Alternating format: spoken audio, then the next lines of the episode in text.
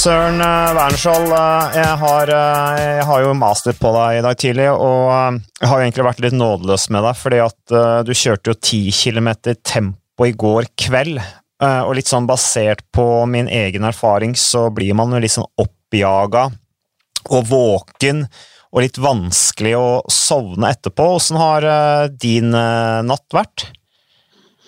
Ja, jeg har egentlig sovet ganske greit, men jeg skal innrømme at det tok, det tok litt tid, både pga. at man er både pga. at man er gira og litt pga. at det plagde meg at ikke vi tok den rekorden i går. Så ja. kombinasjon. Ja, Vi snakker om disse norske temporekordene som uh, man har tatt initiativ til å uh, slå. Da Da er det jo uh, 30 km, så vi kommer litt tilbake til den. Den tok du jo, og så kjørte 10 km i går, onsdag altså 3. juni, og så er det 50 km som, eh, som gjenstår. Um, og vi kan jo ta 30 km først, da, Søren, i og med at eh, for å snakke om noe som var litt gøy. Det høres jo litt nedtrykt ut uh, over at det ikke tok den 10 km, men vi kommer tilbake til det. Men uh, hva, hvordan var opplevelsen din på 30 km som ble kjørt på, på mandag?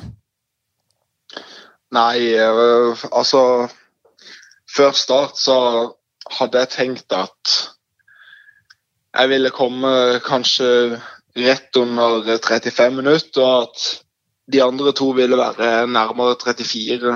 Og så når jeg åpna, så bare kjente jeg at Eller jeg så på vann da, at øh, jeg følte meg veldig bra i forhold til hvor mye vann jeg hadde. Så da tenkte jeg at jeg måtte bare, bare gi alt. Og så når jeg kom i mål, så, så var jo fortsatt Leknesund i løypa. Og underveis så fikk jeg vite at han var syv sekunder foran meg.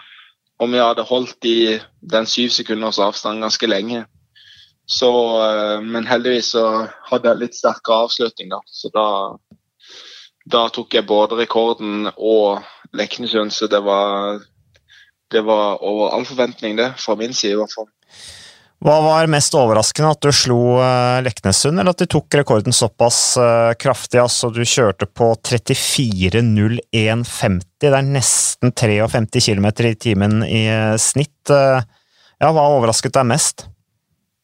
Nei, det overraska meg egentlig at tida ble såpass bra til slutt. Fordi når jeg fikk høre de, når jeg fikk høre de sekunderingene på syv sekunder og da var det vel rundt ti kilometer igjen når jeg fikk den siste. Så tenkte jeg at uh, ja, at jeg følte meg såpass bra at jeg hadde en fair sjanse på å ta Leknesund. Så jeg hadde kanskje gjetta på det når jeg kom i mål, men uh, at uh, tida ble så bra som, som han ble, det hadde jeg ikke trodd. Og egentlig så trodde jeg at jeg sykla på 35 blank når jeg kom i mål, og så skjønte jeg etter hvert at det var 34 blank.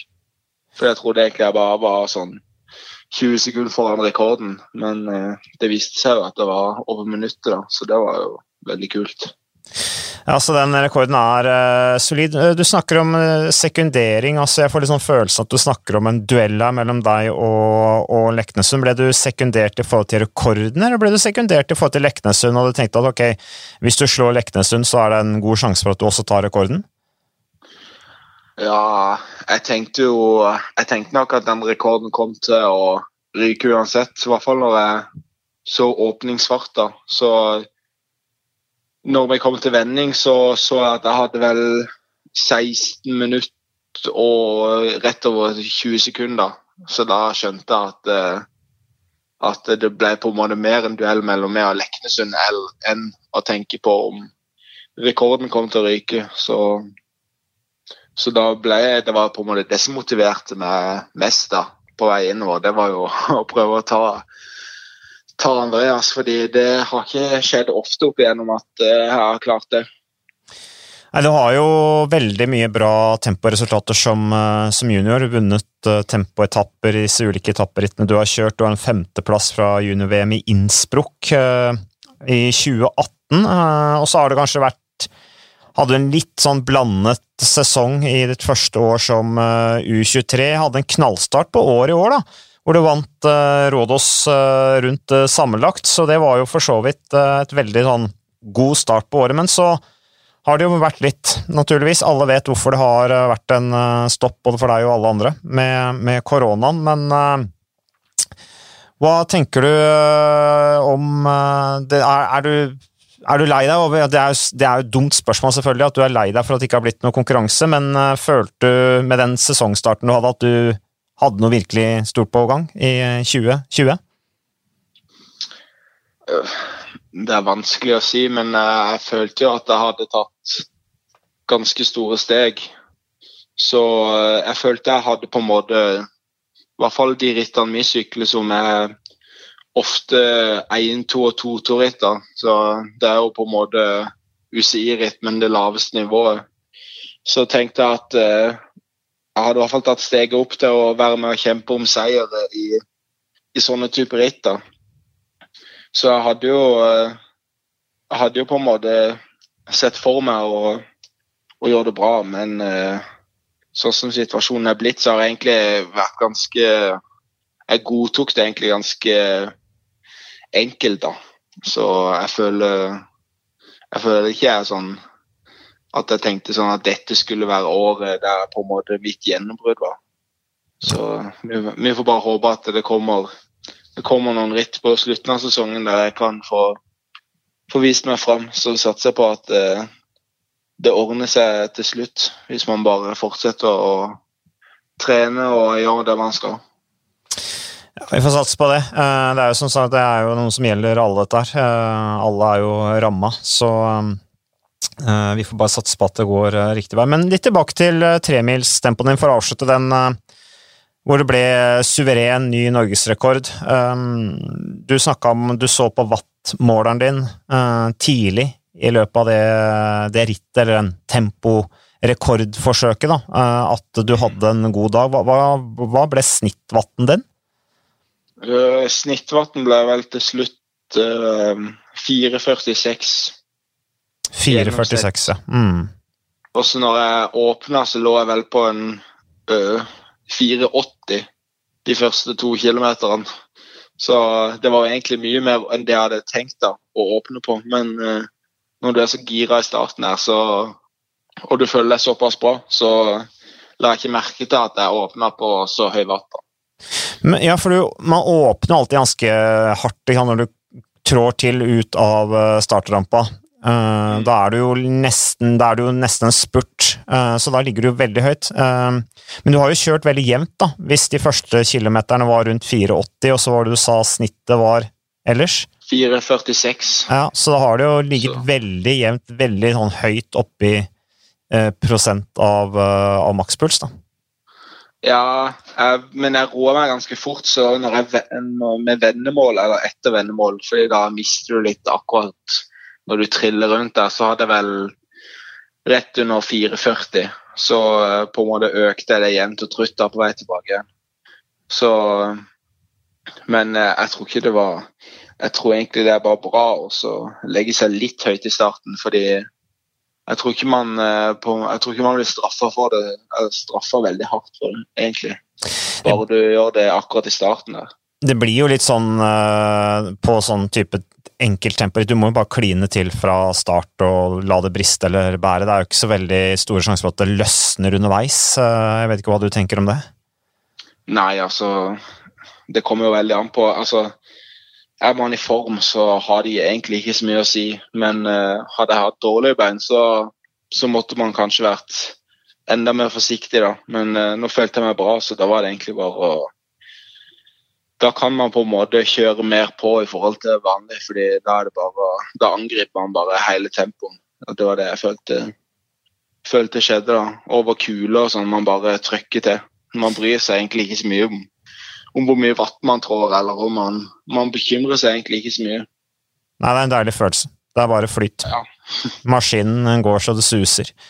Så, men uh, det var kjempegøy. Uh, at du tok den rekorden, Søren, Uh, og den blir jo spennende å se hvor lenge den blir stående. Bare litt tilbake til gjennomføringen av den, den, rekorden, eller den type rekordforsøk. Det blir gjennomført da på Bispeveien i Revetal i Tønsberg kommune, som jo er blitt et yndet sted å kjøre den type temporekorder på. Det har vært mye sykkelløp der på Bispeveien, NM Tempo blant annet, for mange år siden.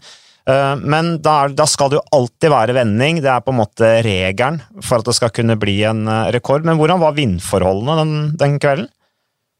Mm, jeg tenker nok det var en to meter i sekundet. Så det blåste helt sånn svakt. Mm. Uh, så det kunne nok vært enda mer gunstig, men jeg følte det var det var ganske gunstig. og Det var vel 25 varmegrader, så lufta var jo veldig varm. Så da går det jo ofte raskt. fordi jo varmere lufta er, jo, jo lettere er det å bryte igjennom. Så, så jeg følte vi hadde gode forhold. Det følte jeg. Ja. Eh, men eh, tilbake til 10 km, da i går, som vi åpna litt med. Du var litt skuffa, du lå og grubla litt på den uh, også på kvelden i, i går. og uh, Derfor så uh, spiste du frokost litt sent i dag, uh, før vi satte i gang den podkasten. Men hvordan, hvor er opplevelsen der, på den 10 km i forhold til 30 km? Det var jo litt, Det er litt annerledes, fordi man går på en måte enda mer opp i rød sone i starten. Man går på en måte rett opp i den. så man merker jo det at eh, på en måte hjerte og lunge og kroppen får litt mer sånn litt mer sånn sjokkfølelse i starten der, og så må man bare prøve å, prøve å holde det oppe hele veien inn til mål. Så, så jeg merka det på, liksom på start der at uh, ja, man, må en, man måtte være enda mer gira da, og være enda mer tøff mot seg sjøl enn på en 30 km, der du kan på en måte du kan finne flyten litt mer. Fra starten av så er det på en måte hardt på slutten, men her er det hardt helt fra start. Mm. Så eh, jeg ville nesten så jeg kunne sagt at eh, jeg ville heller sykle en 30 km enn 10 km. Av at det er litt, det er litt annerledes å sykle, da. Mm. Du har uh, anaerob-terskelen din uh, er uh, Altså, anaerob-terskelen din er passer bedre til, eh, til litt lengre temporitt. Eller, eh, og, og, det der med den der melkesyrebelastninga melkesyretoleransen eh, Det er kanskje ikke noe du Det er jo ingen som liker det, men noen, noen kler det, eller noen, noen takler det bedre enn andre. Men rekorden til Kristoffer Skjerping blir i hvert fall stående. På 11.19,18 var Leknessund som var nærmest der, et par sekunder bak, så det ble ikke noe rekord. Men dere, ble det ikke litt Jeg tenker litt på det i går når jeg så at det ikke ble noe rekord, eh, og du var såpass suveren eh, på mandag på den 30 km. Er det ikke litt grann eh, kort tid imellom disse tempoforsøkene? Har har, har dere egentlig fått restituert dere etter mandag? Ja, det følte jeg i hvert fall. Og det tror jeg Leknesen òg følte. At det var nok ikke noe problem med det, men det var, det var, nok litt mer vind, og så var det litt kaldere, som gjør, som gjorde at det er litt tregere forhold. Og så var det sykla mi en annerledes løype enn det Skjerping gjorde. Uh, som kanskje var hakket dårligere. Det er nok ikke så mye å si, men, uh, men det, var, det, var, nok ikke helt uh, gunstig løype. Så det var litt synd. Men ja, vi får uh, Vi får bare prøve å ta, ta den, uh, den seinere, men uh, merka det mot slutten her at det skulle bli hardt å ta den. Fordi det gikk på en måte Vi hadde medvind og med, for det meste flatt og utfor da, på vei til vending, og så var det motvind og litt oppover på vei tilbake igjen, så da er det bare beinhardt begge, både meg og Andreas venner vel helt på likt. Vi venner på 5 minutter 15. Mm. Så da gikk det jo fort til vending, og så ble det nok litt for tøft på vei tilbake igjen. Så. Du ble sekundert på Andreas Leknesund da også, på den 10 km, eller? Ja, jeg fikk vite at vi, vi lå helt likt til vending, så da prøvde man jo å klemme ut det siste på vei opp til mål, men uh, ja, det var, det var tøft det i motvind der. Så når man, man, ser ned at uh, uff, det går ikke sånn Det går ikke sånn ekstremt fort på vei tilbake igjen her, så skal ikke si at jeg ble demotivert, men jeg ble i hvert fall ikke supergira heller helt på slutten der. Hvordan, eh, hvordan, praktisk gjennomfører dere sekunderingen? Har du interkommunikasjon på øret, eller er det folk som står på vending og roper til deg? Nei, jeg har, jeg har kommunikasjon på øret, og så de tar jo manuell, Det er manuell tigtakning, så det er ikke noe sånn system de bruker. Men de har noen som står på vending, tror jeg, som sier, sier hvilken tid de har. Og så snakker de vel sammen. Jeg tror uh, kanskje de snakker sammen i de forskjellige følgebildene, at de ringer litt til hverandre. Så får man liksom, så får man vite litt, sånn at det blir litt uh, sånn at det blir litt konkurranse. At vi, at vi har noe å gå på, da, bortsett fra den gamle tida. Ok, så det, Hvis jeg oppfatter det rett, så er det sånn at Uno X og Joker Fuel of Norway, støtteapparatet, snakker med hverandre? Og på en måte ja, samarbeider om å ti, med tidtaking?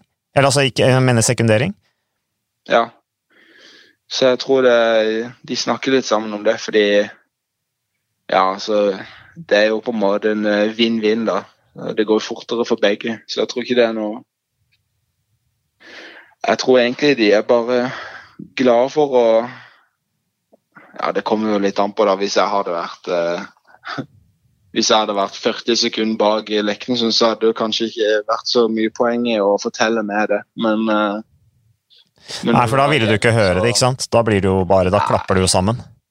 Ja, da, da, tror jeg ikke jeg kunne motivert meg til å på en måte klemme ut det siste. Så da, da måtte de i så fall ha lyvd. Det har, eh, det har skjedd. Det har nok skjedd noen ganger det at eh, folk har at de sier at avstanden er litt mindre enn det han er, bare for å holde den rytteren foran litt ekstra motivert. Ja, Er ikke det ganske vanlig? Jo, jeg tror egentlig det. Det er en hvit løgn, det? Ja, det må, det må være innafor det. I beste mening, absolutt.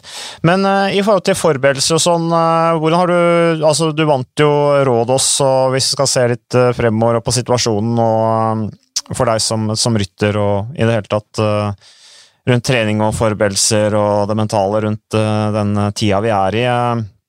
Hvordan har du uh, lagt opp treninga di de, de siste par månedene?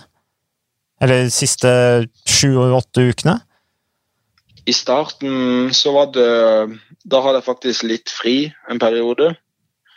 Bare fordi Ja, det var, det var mange som tok noen dager fri, og så var det litt sånn for å restarte litt og begynne litt med grunntrening etter hvert. Så det ble mye Det ble mye Eller en del timer og mye sweet spot og litt sånn eh, tersk Eller intervallet på eh, litt under terskel, da. Ja, sweet spot det er altså trening som er liksom litt under melkesyregrensa, eller under under terskel? Ja, så det, det er fra, hvis ikke jeg tar feil, fra 88 til 94 av terskelen. Mm. Så det er fortsatt, eh, det er fortsatt seigt. Det er jo det. Ja, ikke veldig mye av treninga, intervalltreninga på sweet spot sånn normalt sett? Jo, det har blitt ganske populært, det. Så det blir en del av det, i hvert fall, eh, i, hvert fall i denne perioden og i vinterstid. Så jeg har egentlig hatt sånn ekstremt mange terskeløkter og eller veldig mange hva skal jeg si, tre minutter på over terskel og sånne ting. Så det, det har vært mye Blitt god på sweet spot i hvert fall etter hvert. Det, det har blitt mye av det. Ja, men det er jo en eh, fin måte å øke kapasiteten sin på. Hold, altså trene mye intensitet, men holde igjen sånn at du ikke kjører deg full av, melkesyre. Så det mm. høres jo fornuftig ut. Du blir jo trent av uh, Lars Holm. Eh, hvor lenge har dere Altså, Lars Holm er jo sykkelansvarlig på NTG eh, og er trener i eh, Ringerike Sykkelklubb. Han er jo en del av trenerteamet til Uno X nå. Hvor lenge har du samarbeida, eller hvor lenge er det Lars Holm har fulgt deg opp på trening? Har begynt å trene med våren før jeg skulle begynne på NTG. Så han har trent meg litt før jeg begynte på NTG, og så selvfølgelig gjennom eh, skolegangen og fram til nå, da. Så det har blitt eh, Det har blitt noen år, da det. Og eh, det syns jeg funker veldig bra. Så som jeg, Jeg tror han kjenner meg godt etter hvert. Og vi klarer å samarbeide bra. og han, Jeg føler at han gir meg et bra opplegg. da. Så alt går gjennom alt går gjennom training pics der vi får plan og der jeg skal fullføre og så prate med litt sammen hvis jeg, ja, hvis jeg får litt problemer og sånne ting som det. Så det er et bra team, det. Ja, fordi uh, Lars er jo altså du, du, du er fra Mandal, uh, men du representerer jo Ringerike sykeklubb. Um, og jeg nevnte jo det med at Lars er en del av, uh, av støtteapparatet der, eller trenerteamet i Ringerike sykeklubb. men nå er han jo også trener i UnoX. Er ikke det litt spesielt at en trener i UnoX trener en rytter i Joker Fuel Norway? Det, går det greit? Ja, jeg tror egentlig de gjør det, altså. I hvert fall når i hvert fall når han uh, har trent meg såpass lenge før han ble trener i NOX, så tror jeg det skal gå bra. Han trener jo, han trener jo andre ryttere, som, men de sykler jo nok for Jeg tror ikke han trener noen andre ryttere på kontinentalnivå, da. Så det er nok mer eh, klubbryttere og sånne ting som det. Ja, han trener jo Han følger vel opp Andreas Leknesund også. Uh, Lars Holm, gjør han ikke det? Jo, han trener både Leknesund og Træn og Widerberg. I hvert fall som jeg vet, av de på UnoX. da. Ja. Nei, så Det er eh, bra, men det er jo morsomt at du, vel, altså, du fortsetter å jobbe med en mann du har et etablert uh, forhold til, og det er jo opplagt at dere har et uh, bra samarbeid. Hvor ofte snakker dere sammen på telefon? Du snakker om Training Peak, som jo er et system hvor du legger inn treninga di via, via wattmåler og pulsklokker og sånne ting. Men hvor ofte snakker dere sammen?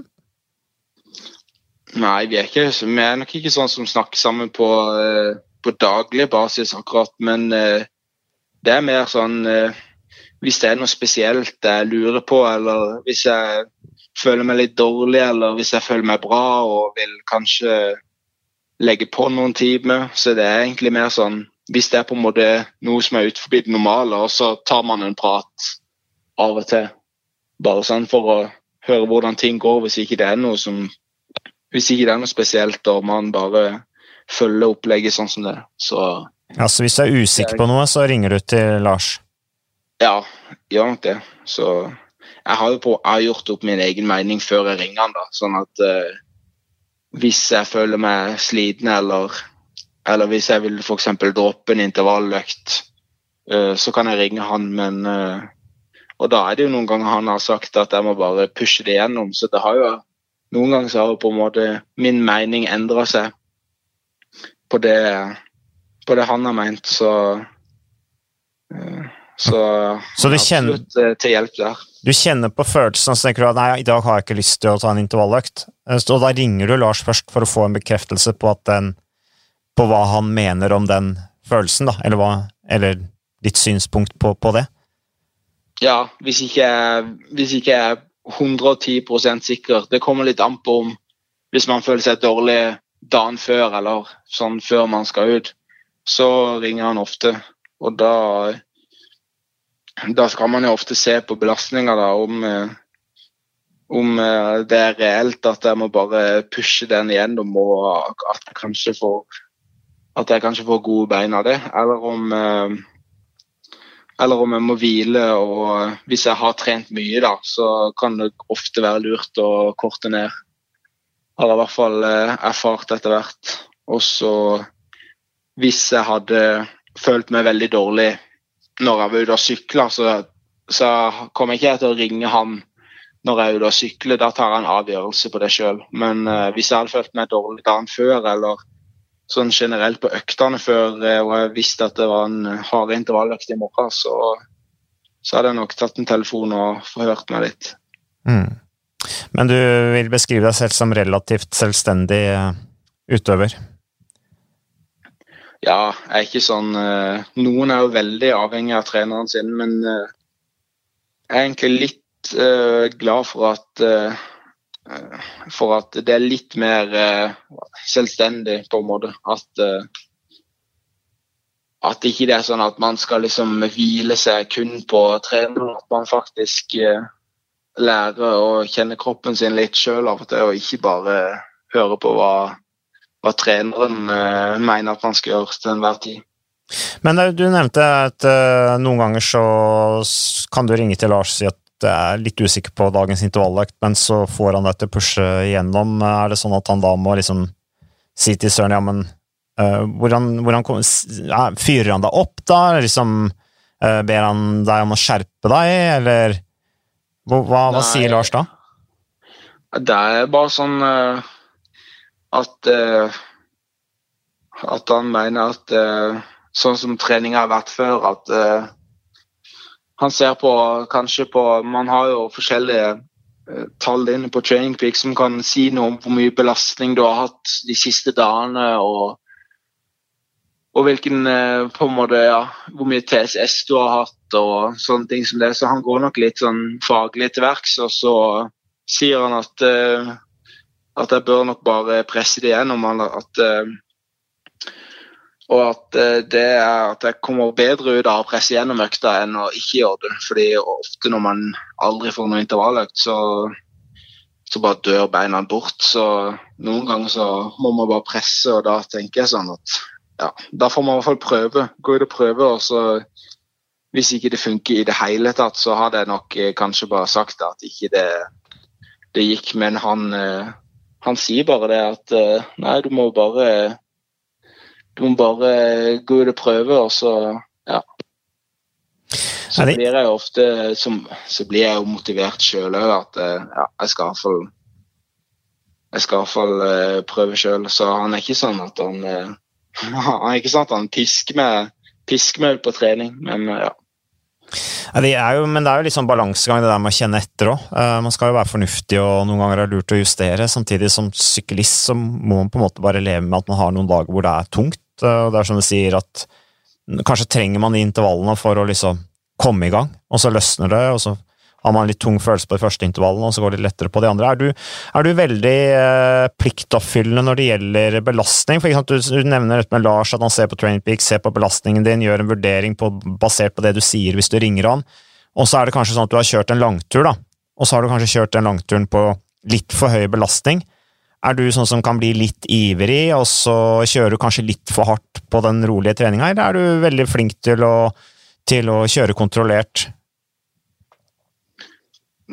Jeg tror jeg er flink til å egentlig kjøre det jeg skal. Og så på sånne, på sånne rolige turer i hvert fall, så kan det jo Det kan bli litt uh, dunking uh, av og til, men som regel så så ser man jo på på hvilken økt man har dagen etterpå. Hvis man har en hvile dagen etterpå, så kan man dunke litt mer på langturen. Eller hvis man har en intervall, så bør man holde igjen. Så, eh, så man ser alltid litt framover i treningsopplegget på hva som, hva som passer best. Og så på, på intervalløkter som jeg har i utgangspunktet, så, så er det ikke noe i veien med å med å gå litt over på slutten. Hvis jeg hadde hatt en hard eh, eh, intervalløkt med tre minutter som ligger over terskel i utgangspunktet, så, så, pleier man som regel å kjøre litt eh, så å si all out på siste. Så, men på,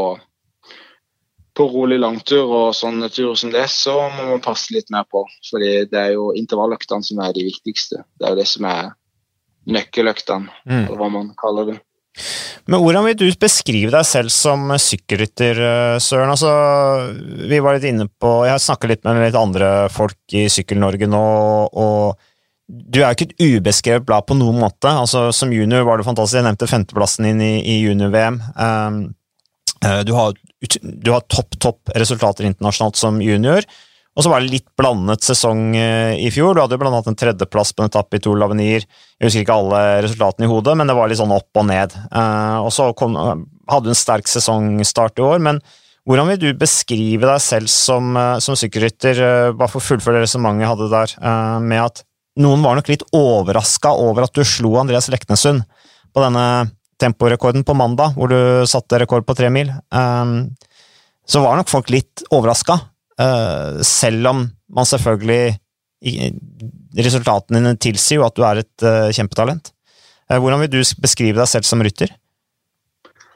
ja, det er faktisk det er ikke så lett, men jeg vil jo si at jeg er en klassikerrytter. Uh, så jeg er jo på en måte stor og tung og kan uh, være med korte, eksplosive bakker. Og så har jeg en, har jeg en grei spurt, og så, så kan jeg sykle tempo ganske bra på gode dager. Og så i år så har jeg trent mye mer på temposykkel enn det jeg gjorde i fjor. Altså før NM i fjor så hadde jeg vel to intervalløkter, eller tre økter på temposykkelen. Uh, og jeg hadde ikke de beste beina, og jeg ble vel nummer syv eller åtte. Så jeg visste jo at jeg hadde mye mer å gå på uh, på tempoen. Så jeg har jo jeg har jo sikta meg litt inn på det. Så det var kanskje derfor jeg visste jo på målet at jeg kunne sykle om ikke Jeg visste nok ikke at jeg kunne slå Leknesund, men uh, jeg visste jo at jeg hadde mer å gå på, så jeg, skal vi sammen... jeg, er nok en, jeg er nok en sykkel, uh, sykkelrytter med litt uh, alle mulige alle mulige hva skal jeg si, styrker, da. Hvis du nevner NM her, det er jo litt interessant å se, da.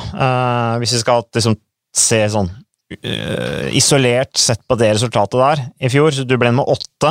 Uh, da var du altså 2,45 bak Andreas Leknesund da, på den femmils uh, tempoen. Um, så sånn sett så, så har du jo løfta deg litt uh, i år. Um, Iver Knotten ble nummer to der også. Edvard Baasen Hagen ble nummer tre i det NM-et. Men uh, jeg ble spurt av Aftenposten etter den rekorden din Nei, tror, eller Agderposten var det kanskje, jeg husker ikke helt. Men Uh, om, denne, om, denne, rekorden din, og så spurte han hva slags type rytter du var. Da sa jeg at min følelse er at du er en eh, klassikerrytter, sa jeg. Eh, og du minner meg litt om, om Thor Hushovd. Kanskje litt sånn eh, slankere utgave av han, og jeg tenker på litt mer sånn eh, senere og muskler enn det han var når han var på din, din alder. Da. men Uh, hva er på en måte hvor, hvor altså han, Thor var veldig på spurt, uh, og ble jo også U23-verdensmester uh, på, på, tempo. er du en Hvor bra er spurten din kontra for eksempel Er du en spesialist spurter, eller er du mer en sånn type spurter som Litt sånn Kristoff-type, da, som, som, gjør det bra i en spurt hvis det er litt redusert felt? Jeg er nok litt mer jeg er nok litt mer på, på den sida der jeg gjør nok bedre i et, i et redusert felt. Og spesielt hvis det går veldig hardt før spurten, så tror jeg det er en fordel for, for meg at uh, de som er spesialiserte spurtere, de kommer kanskje inn med syre i beina, mens jeg kan, jeg kan uh, ha, mer å, ha mer å gå på. da. Så, men samtidig så kan jeg få til en ganske bra massespurt òg av, av og til. Men, men, jeg trener liksom ikke sånn veldig mye på, på spurt, da. Så nei, jeg får se. Det må jo kanskje Hvis man skulle blitt litt raskere, så hadde jeg nok trent litt mer spesialisert styrketrening og litt mer spurttrening. Det virker jo som de tempoegenskapene vi uh, har, da, åpenbart har, og det vi snakka om 10 km tempoen, at liksom det passer deg egentlig bedre med en tremilstempo enn en ti kilometers tempo, så tenker jeg at du kunne jo egentlig blitt en knallbra opptrekker. Um, som, som du, og som du sier, ikke sant, at du eventuelt får dine sjanser når det er en litt tøffere løpe, litt mer kupert, uh, og det er et litt mer slitent felt som, som, kommer inn. Så Men hva tenker du nå om, uh, om resten av sesongen, da? Nei uh sånn eh, teamet skal starte og sånne ting som det, så, så håper jeg at det kommer i gang så fort som mulig. Men eh, jeg tipper nok ikke det blir noe fellesstart før, før etter sommeren i hvert fall. Uh, men jeg tror egentlig jeg tror ikke det er noen som vet uh, når det starter. Jeg tror ikke myndighetene engang vet uh, tid det starter. De tar det litt sånn dag for dag. Så det er vel det det er det jeg gjør sjøl, i hvert fall. Så får bare trene videre. Så nå er det jo noen temporitter som, eh, som er litt her og der. Det skal være en tempocup i Sandnes-området, i hvert fall. Så det blir nok noen, eh, noen temporitt eh, fram til, fram til fellesstartene begynner. Så håper jeg jo at, det, at de kan starte opp ordentlig. At man får, at man får en, kanskje bare en sesong som går litt lenger utover høsten. At man, sånn at ikke man går i Det verste egentlig er jo at man går inn i vinteren eh, uten ritt. Altså, Hva skal man gjøre da? Man kan ikke ha grunntrening eh, i et år, nesten. Det blir jo litt feil. Du har jo sykla i sykkelcross. Jeg husker jeg kommenterte sykkel-VM i altså sykkelcross-VM i Falkenburg. Det var det, det verste jeg har sett. Eh, det var jo bare Det var, det var grusomt, eh, det rittet hva gjelder søle eh, og underlag. Du sklei ganske mye rundt der, du også. Er det sånn at du tenker at du kanskje kan ta fram sykkelcross-sykkelen litt igjen, eller til høsten? Jo, jeg må jo Jeg har tenkt på det. Jeg er jo norgesmester, faktisk, så jeg må jo jeg må i hvert fall stille opp på noe. Så, så det, blir nok, det blir nok noen eh, CX-ritt, ja. Men eh, jeg er litt spent på hvor, eh, hvor lang den landeveissesongen blir. da. Og tid de kommer til å starte opp med CX i, i Norge. Så ja, hvis det passer, så kommer jeg nok til å stille på noen ritt. Det gjør jeg nok. Det er jo veldig gøy. Og det ja, god trening, syns jeg i hvert fall. Definitivt. Det er jo eh, planlagt Føyka-cross i Asker også til høsten, eh, som jo får UCI-status. så det, det, kan jo bli eh, gøy hvis det blir noe av. Vi får bare krysse fingrene. Hva tenker du på sånn siste spørsmål når vi skal snart gi oss, men har du noen langsiktige målsettinger? Har du satt noe sånn Uh, deadline for når du eventuelt skal bli utenlandsproff, hvis ikke gir du deg. hvilke tanker har du om, om framtida di som sykkelrytter?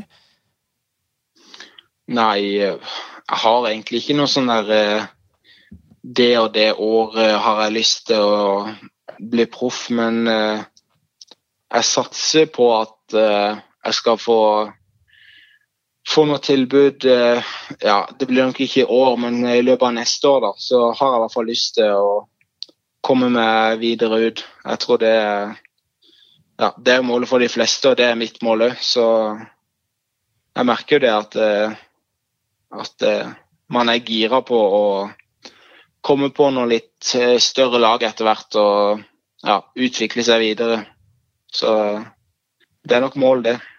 Du, eh, ser du for deg å flytte til utlandet, eller tenker du da å ha base i Norge? Er det sånn at du blir tiltrukket av en tilværelse, en, litt, en litt annerledes tilværelse? Vi vet hvor mange etablerer seg i Girona. Hva tenker du om, om det, hvis du skulle ende opp med en utenlandsproffkontrakt?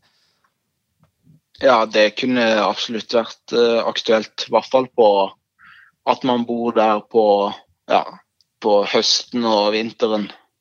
Og ja, at man bor der når det er kaldt i Norge, det kan jeg absolutt se for meg. Men eh, jeg tror ikke jeg kunne bodd der hva skal jeg si, hele året rundt. Så kanskje en, eh, en uh, hybelleilighet i Oslo og en leilighet i Girona eller uh, en annen plass i Spania om, om, vinteren hadde nok vært veldig gunstig. fordi nå er det jo det sykkelmiljøet som er i Oslo nå, er jo ganske det er ganske bra. Det er jo en del som bor der. Så det tror jeg kunne vært en god kombinasjon. Mm. Er, det noe, er det noe spesielt lag på, på øverste nivå du tenker at det laget der har jeg lyst til å sykle for? Har du noen drømmelag? Jeg syns egentlig jeg syns egentlig de fleste lag eh, eh, virker bra, men så er det jo sånn fransk Et fransk eh, pro-kontilag er nok ikke Drømmen? Det er nok ikke drømmelaget. Uh, og så har du ja, sånn som Sunweb og Jumbo Visma og NTT er jo lag man absolutt kunne vært på. Og det er nok en Ja, jeg ville nok vært på et lag der de prater engelsk. Det hadde nok vært det enkleste. Ikke gå til sånn Moviestar eller Der går det jo mye spansk, sikkert. Ja, det er blitt litt mer internasjonalt i Movistar òg, da, i 2020, med ja. dansker og alt mulig rart. Men uh, ja, ok. Sunweb, NTT og Jumbo Visma, nei, det støtter deg på den. altså Det kan være interessante, interessante lag. Men uh, Søren, uh, veldig hyggelig at du kunne ta deg tid på morgenkvisten til en prat på Sykkelpodden. Og så bare et avslutningsspørsmål. Hva tror du om 50 km på, på, lørdag? Blir det rekord der? Det er jo eh, gode, gamle eh, Reidar Borgersen som har den rekorden. Representerer Modum sykkelklubb, Reidar. Det er jo min, mitt hjemsted på 58,21. Satt helt tilbake i eh, august 2014. Hva tenker du om den? Nå er det faktisk meldt regn, da, så uh, de vurderer å flytte den, uh, flytte den til søndag, fordi da var det meldt opphold. Men uh, altså, det er jo bra rekord, men hvis vi har noenlunde forhold enn vi hadde på 30 km, så, så bør han jo, bør han jo ryke. Men nei. Reidar, Reidar håper nok på regn, tror jeg. Så han kan ha rekorden, rekorden litt til. Har du snakka med Reidar om det, eller? Ja, han eh, prata med han om det før, uh, før jeg dro bort. Han hadde ikke så mye troa da, men jeg tror han endra jeg tror han endra synspunktet litt etter den 30 km. Så om det er meg eller Leknesund som, uh, eller Knotten som uh, klarer å ta den rekorden, så tror jeg nok han skal ryke hvis vi, hvis vi har greie forhold. Da. Det går, mye, det går, jo en del på det. Du kan jo tråkke 30 watt mer om du vil, men hvis det blåser for mye, så har du ikke sjans. Så det blir, det blir, spennende å se. Det er deilig å høre da at Reidar Borgersen ikke hadde noe trua på dere. ja, han hadde ikke Han mente at den var bra den tida der, så det, var, det skulle bli tøft å slå. Ja, ja, ja, det er, det er bra. Ja, det, Man ble jo bare mer motivert av det, så det var kanskje et det kan være kanskje et eh, bom, eller et feiltrekk av han å si det. Hvis de ikke tar den 50 km, så får du heller prøve dere på 100 km til Bjørn Hamre, da. Eh, satt i 1981 på 2.12,51. Eller eventuelt eh, rekorden til Svein Berg på 200 km, som eh, satt i 1985. Men det blir vel kanskje litt vel langt igjen? Ja, vi har, snak snakka litt om de der 102 km, eller de lengste der. og og vi tenker nok at de var hakket hvassere i, i nøtta før i tida. For det frister ikke akkurat sånn veldig å sykle 200 meter, eller 200 km med, med temposykling. Da ja. Nei, Da får dere heller slenge dere på Tyrifjorden rundt challengen til Gabriel Rask. Ja, det er bedre, det. Så nei. Det får Jeg får håpe noen andre tar seg bryet og gjør det, men jeg tror ikke jeg jeg tror ikke vi er sånn veldig gira på det i utgangspunktet. i hvert fall. Nei, de kommer til å stå. Men uh, masse lykke til, da, Søren. Og får vi satse på at det blir åpna opp for uh, sykkelritt etter hvert òg. At du får en knallbra avslutning på uh, sesongen. Yes, det var bare hyggelig å Hyggelig å være med i Sykkelpodden. Jeg har hørt på Sykkelpodden ganske lenge nå, så fikk jeg, fikk jeg vært med her, og det var veldig gøy. Det var på tide. Det var på tide. Tusen takk for at du ble med, og takk for at du lytter på Sykkelpodden.